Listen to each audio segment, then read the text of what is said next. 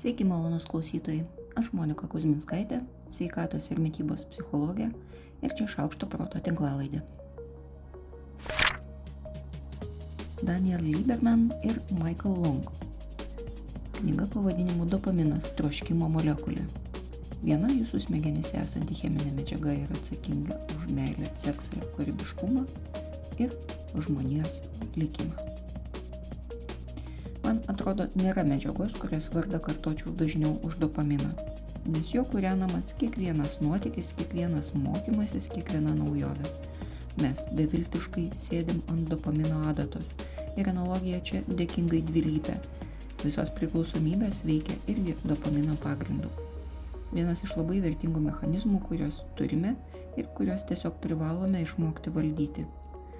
O kad nemokame to daryti, matome iš nuolatinio poreikio mokytis būti čia ir dabar, mėgautis tuo, ką turime, nes būtent dopaminas mus pastumėja ieškoti kažko naujo.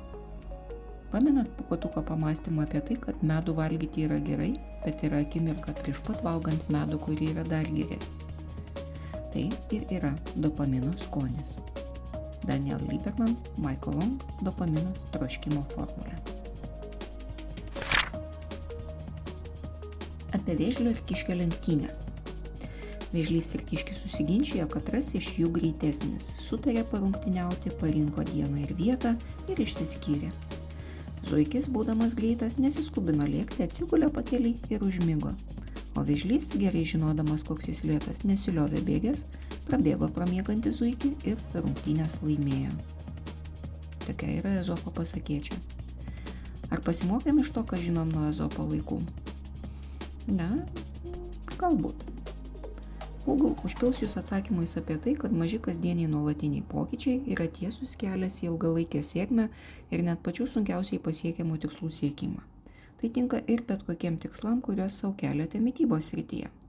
Suskaidykit tikslą mažais lengvai veikiamais žingsniais ir ramiai kartokit kasdien. Niekas, kas ateina kaip greitas rezultatas, vis tiek ilgam nelieka, todėl geriau jau eikit lietai ir užtikrintai. Jei ieškosit ko nors panašaus labiau akademiniai literatūrai, rinkitės raktinį žodį nudges.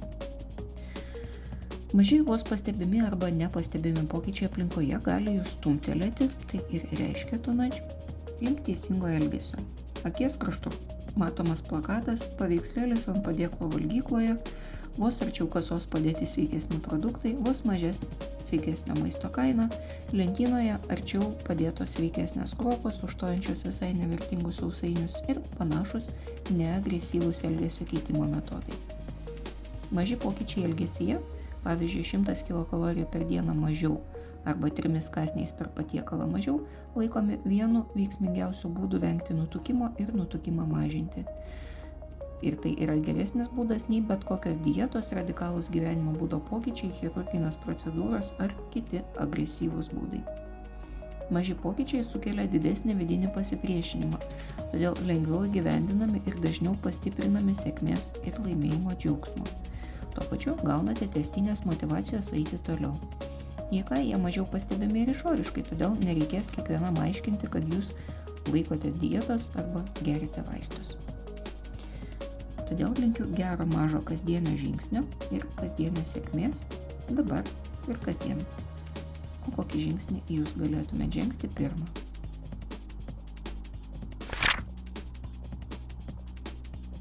Visi tėvai stengiasi maitinti savo vaikus sveikai.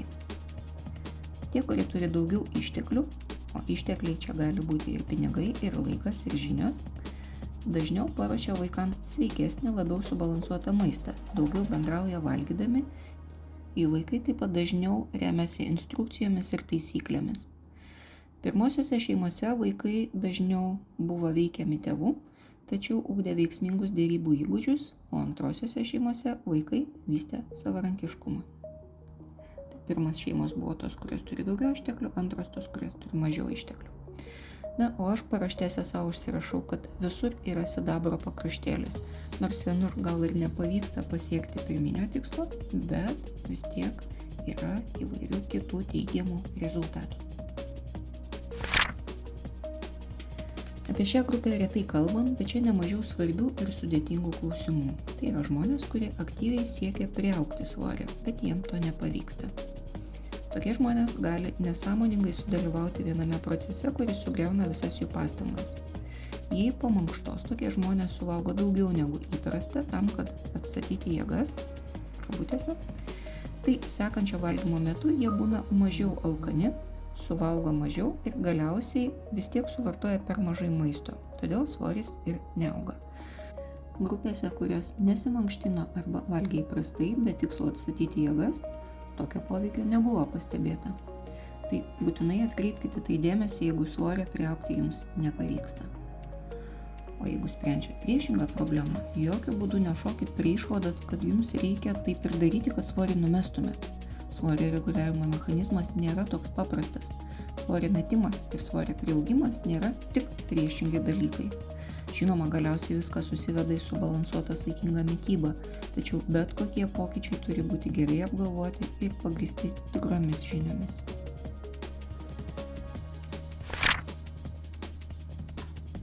Ar yra kažkoks skaitmeninis mes?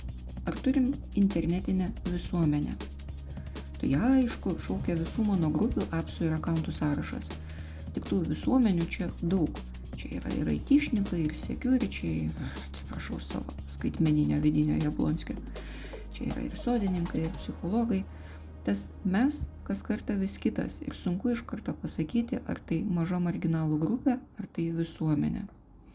Skaitmeninės grupės turi savo psichologinės ypatybės ir savo stereotipus, kurie nebūtinai yra teisingi. Yra manoma, kad grupinės skaitmeninės iniciatyvos arba internetinis aktyvizmas slopina realų aktyvizmą. Vietoj to, kad žmonės realiai imtųsi rušiuoti šiukšlės, jie tik pabalsuoja apklausoje, pasirašo po deklaraciją ir jaučiasi viską nuveikę. Bet tyrimai nepatvirtina, kad toks reiškinys iš tiesų vyksta. Rezultatų yra visokių. Vadinasi, tikrųjų priežastinių ryšių dar nenustatėm. Taip pat yra dviprasmiškų rezultatų dėl to, kad aktyvizmas būdingas tik arba skaitmeniniams erdvėms, arba fiziniam pasauliui. Tačiau yra įrodymų, kad jei jau tokie protestai vyksta, tai jie vyksta visuose aplinkose. Dar tyrimai rodo, kad skaitmeninė aplinka ne tik skatina aktyvizmą, bet taip pat sudaro ir puikias sąlygas represijoms, nes čia žmonės lengviau sekti, šantažuoti ir manipuliuoti jų elgesiu. Ne, man tuo tarpu pasidarė liūdna, kad raudonų siūlų per visus šios desningumus eina vienokia ar kitokia kova. Gaila.